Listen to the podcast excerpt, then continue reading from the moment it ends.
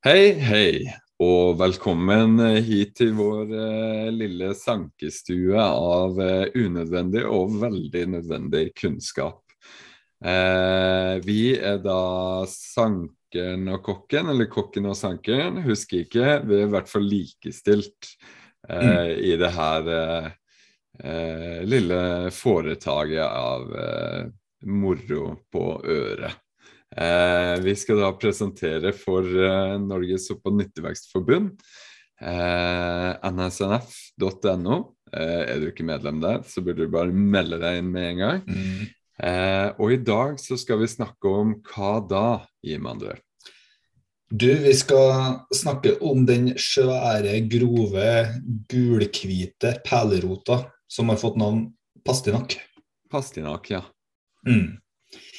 Og det er jo flere forskjellige pastinakk-typer. Det, det, er jo kanskje hagepastinakk eh, ja, hagepastinakk og villpastinakk. Det er jo de to der vi skal snakke om. Ganske lik mm. bruk, men eh, to litt forskjellige arter. da.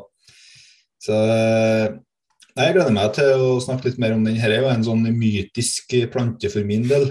Vi, vi har jo ikke noe mye pastinakk her i Trøndelag. Den har jo ikke spredt seg som vi har. Men eh, dere har jo ganske rikelig av den på Østlandet, har dere ikke det, Jørgen? Eh, det stemmer det. Og i eh, Ja, for å si litt mer om eh, sammenligninga her. altså eh, De her ville pastinakkartene er jo litt annerledes eh, til den her kultiverte. Den kultiverte er jo avla opp, kan man si, til å gi en, en større rot, for det er det man egentlig vil ha. Eh, mm. Den er mindre konsentrert i smak eh, og, og, litt mer eh, vannete. Mm. Og, og det, det, er sånn det blir. Det er også samme som på vill gulrot kontra gulrot du får kjøpt i butikken og sånt. Daucus carota mot, mot vanlig gulrot. Mm. Men pastinakk, den trives utrolig godt i uh, ruderatmark, opprørt mark. Mm. Uh, og i tillegg så liker de veldig godt uh, mye nitrogen og annen type forurensning fra biler. Så du finner mm. jo uh, sånne gule tepper mellom motorveien eller langs motorveien E4, E6, E18 her på Østlandet og sånn. Det er jo ikke akkurat den pastinakken du har lyst til å sanke og spise, men eh, det viser jo bare hvor hardfør den er. Og også, mm. egentlig, eh, kanskje noen av fordelene med visse av de her fremmedartene som eh, sprer seg mye. At de kan ha, de kan ha sine nyttesområder i en eh, i en eh, oppvarma og eh, forstyrra natur og klima da generelt. Eh, for de har jo en liten effekt med å samle opp eh, skitstoffer langs motorveien. Ja, altså den er, den er, jo på mange måter fin litt sånn, og, og på Fremmedalslista så, så er de ikke så bekymra for uh, fremmedalsplanter egentlig i sånn type naturområder. For de er ikke, så, de er ikke så viktige, de naturområdene. Men det som er litt problem med den pastinakken, spesielt rundt Oslofjorden, det er at den eh, den også liker seg i en del sånn eh, baserik og kalkrik mark. Ja. Eh, og der eh, fortrenger den ganske mye sånne sårbare karplanter som, som liker å bo der. Eh, og Der tenker jeg også spesielt for Trøndelag. Vi har veldig mye kalkområder da, som vi er veldig glad i, som vi har veldig mye spennende arter i. Eh, mm. Og der er den ikke bra for det biologiske mangfoldet. Men uh, så absolutt rundt uh, motorveien i, i, Oslo, der kan den bare stå. ja, jeg er enig. Jeg er enig. Men mm. så uh, ganske sur mark, egentlig, der den mm. trives. Mm.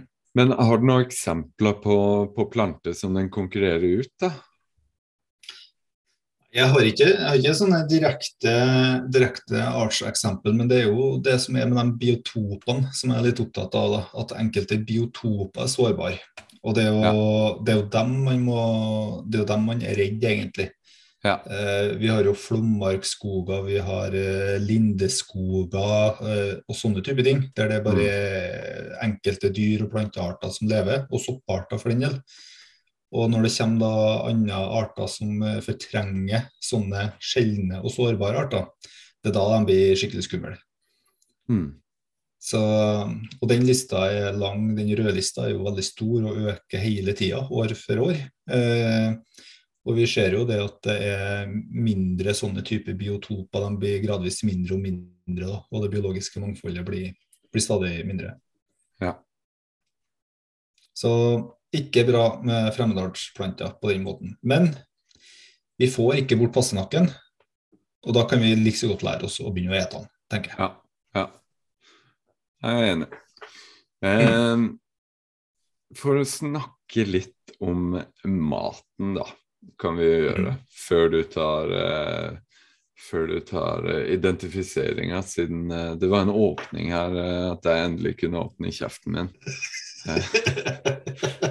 så pastinakk er jo Altså, den er, den er ganske mye mindre, den, den ville pastinakken, men den har som sagt mye mer smak. og i tillegg så er det jo morsomt med pastinakk, som er mye andre rotgrønnsaker, men også visse bær som tyttebær og sånt, at det blir jo faktisk eh, litt bedre smak hvis det har fått noen frostnetter, og mm. i pastinakk og rotgrønnsaker i sitt tilfelle kanskje en hel vinter. Mm. Eh, da blir Da trekker jo eh, røttene De trekker næringsstoffene ned fra planteverket. Eh, alt eh, klorofyll og alt eh, trekker seg nedover i stilken. Mm. Eh, blomsten visner, planten visner. Eh, og så, eh, for det første da, sent på høsten, så får den mer smak der, og også mer næringsstoffer. Eh, mm. Pastinakkene har ganske bra næringsstoffer, vitaminer og, og, og visse mineraler og sånt. Eh, men så, når du, når du, virkelig har fått en sånn frostnatt, så blir det i tillegg eh, litt sånn vet ikke, den eh, konsentreres inn fra mm. skallet også. Så selve rota får bare ekstra mye smak og blir dobbelt så søt, egentlig. Mm. Så du får eh, masse, masse ut av eh, å gi det litt frost. Det blir jo så klart litt verre å, å grave den opp, da. Men hvis du allerede har eh, sett deg til et område, eller kanskje har en type eh, ja, mm. vet ikke, jordkjeller eh, som fryser til litt. Eh, så ja, burde man gjøre. Ja, også, det, det, lønner seg i hvert fall å vite hvor passnakken vokser hen på høsten, for det er jo enklere å se den når den er i blomst og, og sånne ting. Mm. Eh, men den har en ganske karakteristisk rot òg, med den fargen på rota og den størrelsen på rota. Mm. Så, så, det går an å, å identifisere passenakkrøtter i og for seg. Og mm. Min erfaring er at røtter generelt er veldig mye fint å sanke på vinteren når det ikke er nærmere to meter snø, som det er hjemme til meg her nå. Da er det litt vanskelig. Eh, for det gjør vi på siste rot og andre røtter, for da skjer akkurat det samme som du sier, da, Jørgen, at de blir søtere, blir bedre.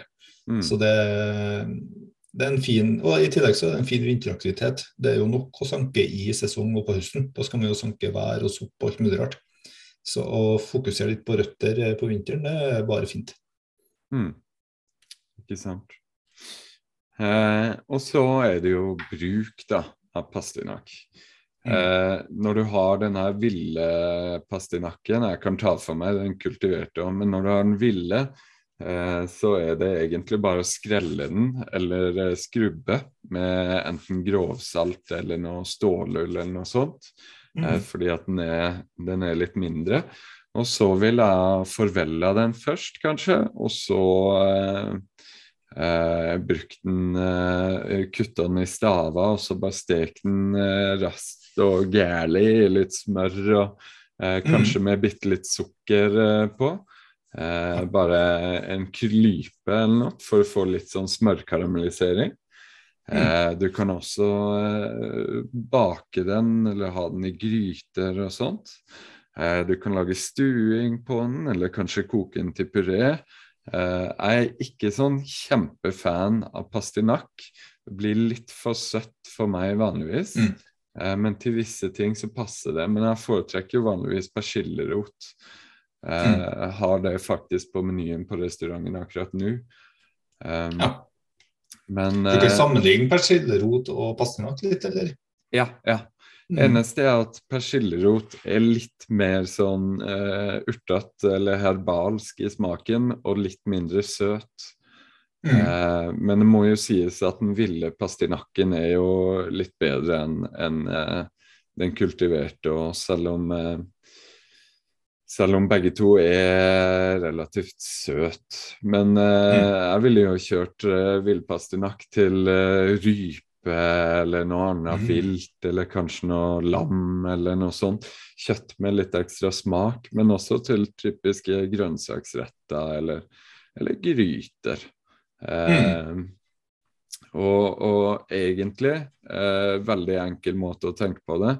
Så både vill pastinakk og eh, hagepastinakk og kultivert pastinakk kan brukes som gulrot. Ja, ikke sant. Mm. Da tenker jeg med en gang at den må i grønnsakssuppa mi. Ja, ja, ja. ja. Mm. Det, er enkelt. Eh, veldig enkelt. Og, Mm. og du vet, det er jo morsomt, fordi i, eh, i gammel eh, gresk og romersk litteratur eh, så sa de jo at eh, pastinakk er veldig bra å bruke som mat. De har jo brukt den i lang, lang tid, som gulrot eh, også. Eh. Men eh, de var litt eh, De advarte om at man måtte være litt forsiktig, fordi at gulrot og pastinakk var veldig lett å forveksle med hverandre. Eh, OK. Mm. ja, og det, det kan jeg jo si også, fordi at gulrot var jo ikke originalt så oransje som vi kjenner den i dag. Ah, Da kan jeg forstå det, ja. Ja, Originalt så hadde vi sånne gule, bleke gulrøtter og eller sånne lilla gulrøtter. Ja. Ja, men nå ja, men nå har vi eh, vår eh, oransje gulrotfarge som eh, vi nesten ikke kjenner den eh, ved noen annen farge, egentlig. Ja. Mm. Og så har jeg jo lest litt det at tidligere også brukte de jo passenakrøtter som eh, kaffeerstatning. Og det har jeg lest om løvetannrøtter og mye forskjellig. Eh, tror du det blir noe bra kaffe av pastenakk? Her ser du drikker litt kaffe nå. Har dere tenkt å bytte ut med passenakkrøtter? Eh, nei.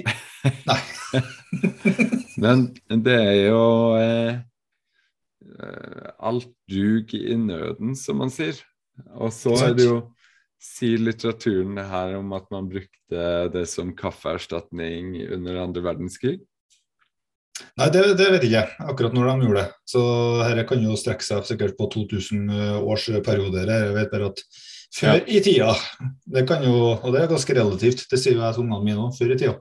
Hæ. Men eh, det var før min tid, i hvert fall. Så, men jeg syns det er litt interessant. da. Jeg, må, jeg skal jo lage sånn løvetannrotkaffe i år, tenkte jeg. Og det, Ja. da må jeg jo da må må sende oppover noe sånn passenakrøtter til meg, så kan jeg få prøve det. Sånn ville. Løvetannrotkaffe har jeg smakt. Ja, hvordan var det, da? Eh, eh, nei Syns egentlig du svarte ganske godt på det. ja. Det var Og er som det var, tenker jeg at vi kunne si. En opplevelse gjort én gang. Ja, det Ja. Men det er jo mye sånt eh, Når man snakker eller skriver om eh, at det har vært brukt som en erstatning for ting, Mm. så har det mesteparten av historie fra uh, første eller andre verdenskrig, eller Mm. uh, i, i potettida i Irland, eller ved tider med mye nød, da. Uh, Ja. Og det Ja. I, i nøden ikke... så funker sokkevann som kaffe. Ikke sant. Ja. Men så er det en del folkemedisin rundt pas- pastinakk òg. Det har blitt eh, brukt som eh, smertestillende, eh, urindrivende, appetittvekkende og, og med fordøyelsesplager. Og Mm. mot hoste så kan det si sånn brei. Men jeg syns jo at dette er ting jeg har lest litt sånn om veldig mye, da, det er akkurat den remsa der. da. Mm. Men det jeg synes, og I middelalderen så anbefalte de den mot leversykdom og gikt. Så det er jo et lite tips da, fra gammelt av. Men det er jo, jeg tror de har gått litt bort ifra det nå i dag. Men det som jeg syns er artigst, da, det er at munker og nonner de kunne ikke, ta, de kunne ikke bruke rær. Og det var rett og slett for at de, de kunne øke kjønnsdriften. med bruk av pastinakk.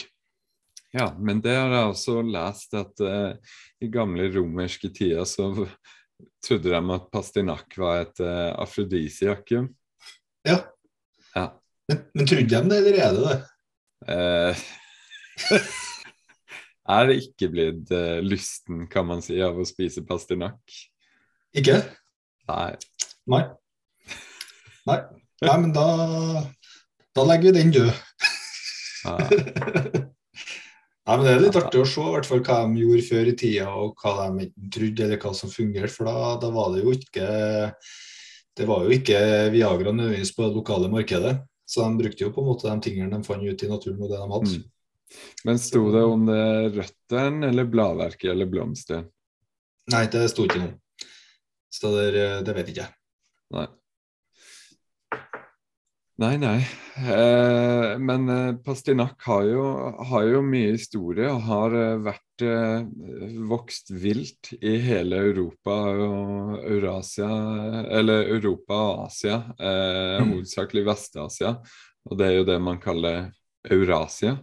Eh, og mm. har da blitt vært en av de grønnsakene som vi har kultivert egentlig aller lengst, kan man si. Mm. Så den har jo utrolig mye historie. og jeg vet jo Når man leser historie, eller eh, hvis man spiller dataspill eller ser på gamle filmer, visse gamle filmer, så er jo et gjennomgående tema er jo parsnip eh, story, eller at det finnes parsnips i, i de verdenene. Så det, det, er jo mm. ganske morsomt. Den har lang historie, men vi har i dag så er den jo ikke Den er ikke så mye brukt. Og jeg tror den litt sånn poteten. At det har vært eh, kanskje forbundet med, med, en grønnsak som eh, vokser eh, gjennom en sesong og gir mm. Eh, relativt mye mat per, eh, per arbeidsmengde, og at den har blitt en litt sånn fyllmat. Det er ikke, mm. det er ikke det, det er ikke en gourmetråvare. Eh, og da har den kanskje bare blitt eh, fada litt ut, rett og slett. Ja. Nei, for å kunne finne røttene på, på vinterstid liksom, som kan eh, livnære seg på, og som samtidig det er en del proteiner i, og, og sånt, eh, så blir det jo fort en litt sånn eh, luksuriøs vare på den måten. For overlevelse og, og få i seg næring. Mm. Men det, ja. ja. det er en ting som også er ganske uh, spennende, er jo at før i tida, før vi hadde sukker veldig tilgjengelig, så mm. brukte man jo eh, pastinakk, rot, som, en, eh, som, et alternativ til sukker. Mm. Eh, for honning var jo veldig dyrt, og så eh, fikk man jo potet etter det som et eh, enda mer eh, bedre alternativ. som et sånn fyllnings- og, og lett søtt middel. Mm. Så da var den der da ble den søte og stivelsesrike eh, pastinakken brukt som en grønnsak, men også for å uh, tykne og søte opp puddinga og, mm. og, sånne ting. Så du lagde en pastinakkpuré, og så smakte du til Du kunne smake til bakverket ditt med den, rett og slett. Ja. Så det Det er kult. ja. men ja. Jeg tenker kanskje vi må snakke litt om sankinga under her, for det er jo ikke en sånn uproblematisk sankeart, dette her. Eh, vi har jo et litt sånn artig ord på, på den plantesafta her. Eh, det er så langt, langt ord. Fytofototoksisk reaksjon. Ja, der var det. Du er så flink på de lange ordene, Jørgen. Nei, men nei, det, det, der er brent inni høret mitt, så det Fytofoto Fantast... Nei, fytofoto Jeg klarer ikke å si det. En gang til. Fytofototoksisk. Fytofototoksisk. Yes. Yes. Fytofototoksisk. Yes. Og det vil si, da, folkens, at uh, den plantesafta, hvis du får på deg den, og det er i kontakt med sollys i tillegg, så vil man få store, ekle, vonde blemmer, rett og slett. Mm. Så det er ikke, ikke bra. Så her må man være varsom og ha på seg hansker hvis man skal drive og ha med bladstruktur og sånne type ting. Eh, nå er det jo rota man først og fremst skal ha, men det, det går an å bruke bladverket og frø også. Frøene har jo litt sånn samme ja, Kan minne litt om karvefrø, litt. Rønne. Ja, litt sånn halvsammenligning der på smak. Mm. Men, eh, men, det er jo rota først og fremst som er, er den, eh, den, vi vil ha. Eller hva tenker du om de andre bladdelene, Jørgen? Nei, det, det er jo som du sier at man kan, man kan bruke bladverket, man kan bruke blomsteren og man kan bruke eh, frøene. Mm. Men hvis det Altså, jeg syns ikke det er noe poeng i å bruke bladverket og blomster. Eh, blomster, hvis man drister seg forbi en uh, potensiell eh fytofototoksisk reaksjon, altså uh, plantesafta gjør deg mm. veldig sensitiv for UV-lys. Den er ikke like ille som, uh, som tromsøpalme og kjempebjørnekjeks, mm. men, men, det er likevel ikke verdt å, å risikere, tenker jeg. For det, bladene smaker liksom Det smaker grønt og lett krydra. Mm. Du får like mye Du får mer ut av skvallerkål, egentlig. Mm. Så eh, bruk heller skvallerkål. Også, men eh, planten får jo ekstremt mye frø per plante. Mm. Mm. Eh, så, så, der kan det jo være en idé å bruke det, eller ja det, det, Du kan jo så det sjøl, men da bidrar du til eh, til en potensiell spredning, så vil jo ikke anbefale det. Mm. Miljøkriminalitet, faktisk. det er jo straffbart. Mm. Det er det. Men uh, jeg ser jo uh, Jeg så jo at Plantasjen uh, har jo har jo guide på hvordan du skal kultivere pastinakk og sånt. Ja, det er jo, det er jo flott. Ja. Men uh, Nei, for å ta, jeg må, Før jeg glemmer det her nå det er jo, Folk, folk lurer jo på hvordan, skjer, hvordan ser vi at det er passende, hvordan, eh, hvordan finner vi den? Ja. Og det, Vi var jo litt sånn innom det i starten og liksom, i forhold til vokseområdene. Ugresskanter langs veier og sånne ting. Og da, da er det ofte helgult altså, i de områdene. Det er for det er skikkelig svære mengder. Og Det er en stor plante. Den kan jo, bli, den kan jo passe fort en meter i, i høyde. Og den hører til skjermplantefamilien, så på mange måter så kan den på en måte ligne litt sånn som hundekjeks og, og, eller vanlige skjermplantene som man ser rundt omkring. Men det som skiller den veldig ut ifra dem, det er jo først og fremst blomsten. Den har jo sånne radiærsymmetriske eh, blomster som er knallgule. Mm. Eh, de fleste skjermplantene ellers har jo hvite blomster i skjerm. Når han har da gule blomster i en skjerm. Så det, det er første måten. Hvis vi skal gå litt mer sånn teknisk i det, eh, og det er jo greit å vite når vi tenker på skjermplanter, så er det noe som heter eh, storsvøp og småsvøp. Eh, her er kanskje litt teknisk for mange, men i hvert fall de som skal opp til nyttevekst-eksamen og sånne type ting, så er sånne ting veldig viktig å lære seg på skjermplanter. Og, og har ikke enten storsvøp eller småsvøp, og det har mange av de andre skjermplantene. Eh, bladene er relativt store. Eh, jeg kan minne litt om Kann sine blad med sånn finnott med ja, sånn bredt eggforma småblad. Eh, og så er den rikt forgreina, mye bladverk egentlig på den. Og så er det for å være litt sikker, da, så er det å sjekke den rota, for den har en sånn grov, gulhvit, svær perlerot. Og den, eh, den, er veldig karakteristisk for pastinakken smørgulhvit, vil man kanskje si. Med litt ja. sånn eh, skitt på den. Mm. Eh, så den er Ja. Og, der er, og hvis man skal se forskjell i butikken, så er, så er eh, persillerota litt mer sånn kremhvit. Og ja. gulrot er oransje. den er sånn bleika, blitt veldig bleika i vask, på en måte. Ja, ja. Sånn utbleika farge. Nettopp. Eh, men eh, ja, og i, i, i, natur så er det ikke så eh, vanskelig å se forskjell, fordi at eh, vi har ikke så mye persillerot eh, der ute. Og så en, en del andre ting som vokser litt sånn i veikantene. og Det er jo mye av det der, sånn vinterkarse og sånne ting, som også er sånne fæle blomster, ikke sant? Som, som vi ikke vil ha. Det er jo det er god idé. Du finner dem i sankeboka. Vinterkarsen. Vinterkarse og russekål, så det, det, er en del gult som vokser langs uh, veikantene. Men det der er jo ofte mye sånn korsblomster og større blomster. Ikke er små gule da, i skjermer. Mm. Så de er egentlig greie å, å skille på den måten. da. Ja, og russekålen har jo også det som ser ut som en uh, stor uh, trollete hårmanke ved bunnen. Mm. Det er helt riktig. Ja. Eller en palme, kan man si. Det er kanskje litt bedre. Ja. en palmetopp på bunnen av uh, stikka. litt bedre sammenligning. Trollhårmanke. Det er ikke helt sånne morfologiske beskrivelser som kommer her nå, men uh... Jørgen Ravnberg, biolog. ja. uh, vi får lage en sånn egen folkelig flora en gang i, ja. i tida. Ja.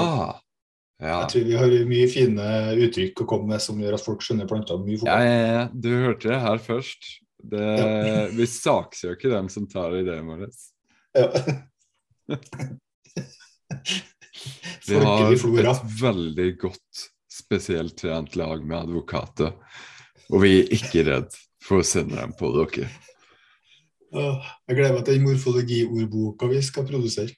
Ja, ja, kjempebra. Så spørs det jo hvor mye den hadde solgt, da. Ja, det Nei, vi må vel holde oss til den morfologien som eksisterer. Ja, jeg tror det. Jeg tror det. Nei, men eh, det var egentlig det som jeg hadde lyst til å si om pastinakk, egentlig. Det er Det handler jo om å få, å få sanka inn på riktig måte. Ja. Det er jo det som egentlig er det viktigste her. Å, ja. å få sanka røttene på, på, vinteren. Mm. Og ikke spre den. Mm. Det er vel egentlig hovedbudskapet. Jeg vet ikke om du har lyst til å tilegne noen flere ting rundt pastinakk? Jo. Jo, det er masse mer ting å si, men jeg får jo Får jo ikke komme til her. Det er sånn trønder som driver og skal male og kverne på her. Men det er jo Vi har jo eh, litt mer på den her frø, eh, frøproduksjonen dens. Den har jo veldig mye ja eh, frø. Og den har jo veldig lett for å, for å, spre seg også. Det er jo en av grunnene til at den eh, ja, sprer seg så, så lett. Eh, mm. Altså de frøene eller da, fruktene har en sånn vinge. Eh, mm. Tenk litt sånn på alm, egentlig. Ja. Mm. ja. Vingekant, ja. Ja, og så spres den veldig lett med vinden. Eh, og da spesielt hvis du kjører biler, eh, mm. langs veikanten. Og så bare Da flyr de her vingene bortover langs veien, og den bare koloniserer langs motorveien. Eh, ja. ja. Så det, det, det var litt artig. Ja. Det, det, er jo Og det er derfor også at den, at den virkelig har spredd seg sånn langs veien. Jeg syns det er superinteressant. Og så igjen så er det jo det at det er problematisk at den sprer seg til eh, kalkland og, og sånt. Mm. Mm. Uh, men uh, men ja. Det, det, er litt artig, da. For vi har snakka tidligere om uh, rosa, blant annet. Og da der, der nypene detter mye ut i sjøen og skylles opp igjen på land og sprer seg på den måten. Så det er litt artig hvordan plantene egentlig har funnet sine måter å spre seg på. Mm. Og det er litt ekstra artig med pastinakk, for den har jo ikke en naturlig måte å spre seg på, i forhold til den måten du nevner der. da. Nei, nei, nei. Bær og vind har jo bestandig vært, men biler har jo ikke bestandig eksistert. Nei, og det, det er, jeg skal si noe mer på det også, skjønner du. Ja. Eh, for eh, hagepastinakk kom antageligvis inn med ballastjord. Eh, I 1861 er det de regner med, og da er inn på Bekkelaget i Oslo. Mm. Eh, og så har den eh, blitt forvilla fra grønnsaksdyrking eh, i siste halvdel av 1800-tallet. Og så mm. hadde den veldig svak økning, egentlig, men ganske jevn fram til 1930-tallet. Mm. Og så begynte den brått å ekspandere seg i Oslo og Bærum, spesielt langs E18 og på Fornebu. Eh, hovedsakelig i veikanter, da, men også på litt kalkmark. Eh, og så har den bare fortsatt med en sånn aggressiv eh, ekspansjon langs motorveia, og også da delvis på eh, anna kalkmark. Eh, Ja. Og nå finner du den egentlig på Øst- og Sørlandet langs motorveia hovedsakelig. Ja, så det, det er jo det er biler som har vært årsaken til at den her har spredd seg så mye. Ha. Så, den har opprinnelig kanskje ikke så hard livets rett. For eh, Med hest og kjerre i middelalderen så fikk den sikkert ikke nok fart. I, i middelalder. Alt før 1930 var, var middelalder. Ja.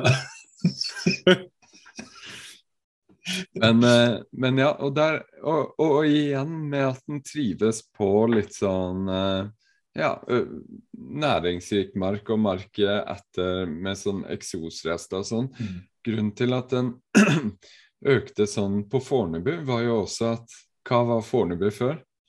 Førplass. Ja, Mm. og der også, den dag i dag, jeg elsker å gå ut og sanke på Fornebu i dag. For det første, eh, i Oslo eh, For det første så er det eh, masse forskjellige arter. Ekstremt Mm. bra artsmangfold. Eh, fordi at du har så mange forskjellige biotoper der også. Du Ja. har eh, berg, du har strand, du har gresseng. Eh, du har eh, ja, eh, oppbrutt mark, ruderatmark. Eh, du har veikant. Du har eh, Hva annet har dere? Ja. Ja. Tror det Det var kjempebra. dere Mangfoldere. Skikkelig engmangfold. da. Ja, ja. Og så, går du eh, fra ene enden til den andre på Fornebu på en halvtime. Og da har du Mm. fått med deg ekstremt mange arter. Alt fra eh, nyperose til eh, svarthyll til furu og gran og eh, ja, pastinakk. Det, Ja. det er så stor bredde der. Og jeg kan fortelle at utrolig mange av eh, plantene i sankeboka er fotografert på Fornebu. Jeg tviler ikke. Nei, det er min, eh, det er min latmannsplass, faktisk. Ja. Ja. Men når vi snakker om sånn typisk mark, da, som Passnakken liker En tenker på litt sånn eh, nedtrampa industriområder, Kaller det Mm. litt eh, det, da. Hvilke Mm. arter er det som er vanlig eh, å finne der du som før går eh, mye på sånne i Oslo? Vi har jo så mye sånn ekte natur her i natur ute, sånn, eh, sånn som det skal være. Så Ja. det går ikke like mye på sånne, sånne plasser. Men hva er det som går igjen for deg når du er da på Fornebu f.eks.? Ja, av arter spesielt. Mm. Nei, det er svarthull hovedsakelig. Det er masse furu. Eh, og så er det eh, nyperose. Um, men så har jeg jo også en annen art vi skal snakke om i denne serien. Eh, strandkarse. Det er masse Ja. av den der. Mm. Eh, og så er det jo pastinakk. Vi har eh, veldig mye russekål. Eh, Russekål. Mm. Ja. Og så eh, Ja. Kanskje? det- Ja. Og så Mm. er det ordentlig bra sånn eh, kulturmark i form av blomstereng og sånt også der. Ja. Eh, og der finner du til og med eh, ah, den her uh, moskuskattost. Å ja. Ja. Mm. Uh, og masse blåklokke og tumbaldebrå. Eh, Mm. Det er Ja, nå glemmer jeg navn, men utrolig mye forskjellig. Ja. Tumoldebrå nå har jeg god erfaring på at det er godt med litt sånn nedtråkka, Mm. nedtråkka jord. Eh, Ofte når jeg kjører forbi en sånn båthavn, så stopper jeg og kikker etter tumoldebrå. Ja, ja, ikke sant. Jo, men det er jo det, for det finnes jo veldig mye langs veikanten, men der vil man jo ikke plukke. Fortauskant og sånt. Det er jo ikke Mm. den tumballebrøden man har lyst til å knaske i seg. Enn nesten et hint av hundepiss, liksom. Ja. Nei, det, hvis tumoldebråen er veldig syrlig, så er det et dårlig tegn. Det var noe syrlig ananas her. Det ser veldig godt. Nei, det skal vi helst eh, holde oss litt unna. Men eh, nei, jeg har, skikkelig lyst til å flytte ut til Fornebu, faktisk. Det er fordi at det er, det er så mye forskjellig natur og, og biotop som omkranser det. Eh, Mm. Og jeg håper at de ikke at de ikke fortsetter utbygginga for mye der, for de har jo en Mm. god satsing. Og i tillegg, ja, det glemte jeg å si, i tillegg så har de jo lagd en ekstremt stor eh, park. Så det er jo også en biotop, egentlig. Ja. Mm. ja, det er absolutt. Parker er morsomt. Ja. Eh, Så det Nei, utrolig mye fint å plukke. Men det er ikke alt man kan plukke. Det er jo litt eh, fuglereservat og litt forskjellig der, så man skal jo passe litt på det. Men det er bare fint å, å nyte litt. Ja, og så er det et område eh, helt ytterst eh, mot eh, ene stranda der, som er typisk skog. Eh, granskog. Det, det er skikkelig spesielt. Det er som en showcase i forskjellige biotoper. Og der finner du einer og mose og alt mulig. Sikkert litt artige sopper og Ja, skikkelig det- container-spot. Det, jeg tror det er litt uh, for mye saltvann i lufta og litt Ja, okay. eh, for tørt og sånt, Ja, okay. eh, faktisk. Men uh, Jeg tenker jo at de som bor i Oslo, da, burde jo absolutt ta seg en tur dit. da. Ja, Fornebu, ja. Det, Mhm. Hvis du vil se så mange som mulig forskjellige biotoper, gjør det, altså. Mm. Virkelig. Og det sykle seg en tur ut dit og bare nyte en uh, tidlig sommerdag. Ah, jeg gleder meg. Mm. Og ettersom Passenakken er på Fremmedals, nei, svarte Fremmedalslista, det. Fremmedagsliste. så er det jo bare å røkke opp så mye røtter man vil, og uten å tenke på at man eh, ødelegger, ødelegger eh, for, eh, for artsmangfoldet der, skal du si. Det, det er bare å ta så mye man vil. Man vil jo få fjerna den Mm. Nettopp. Så ja, det er det. Det ble noen digresjoner der på slutten, men jeg syns vi har fått fram eh, greit om eh, pastinak, Mm. egentlig. Absolutt. Eh, og da eh, kan du jo lese mer i eh, Sankeboka, eller eh, på NSNF, eller sopp- og Mm. nytteverksted.no. Det er da Norges sopp- og nyttevekstforbund. Og Mm. vi er da Sankeren og Kokken, Kokken og Sankeren, Jim André Mm. Stene og Jørgen Ravnberg. Og så takker jeg for meg. Takker for meg òg. Det var, det var artig å høre. Spesielt til Fornebu. Jeg fikk lyst til å få ut til Fornebu sjøl. Ja, vi tar en tur neste gang du er i Oslo, tenker jeg. Ja, jeg skal gjøre det. Det høres bra ut. Yes, ha det fint. Ha det bra.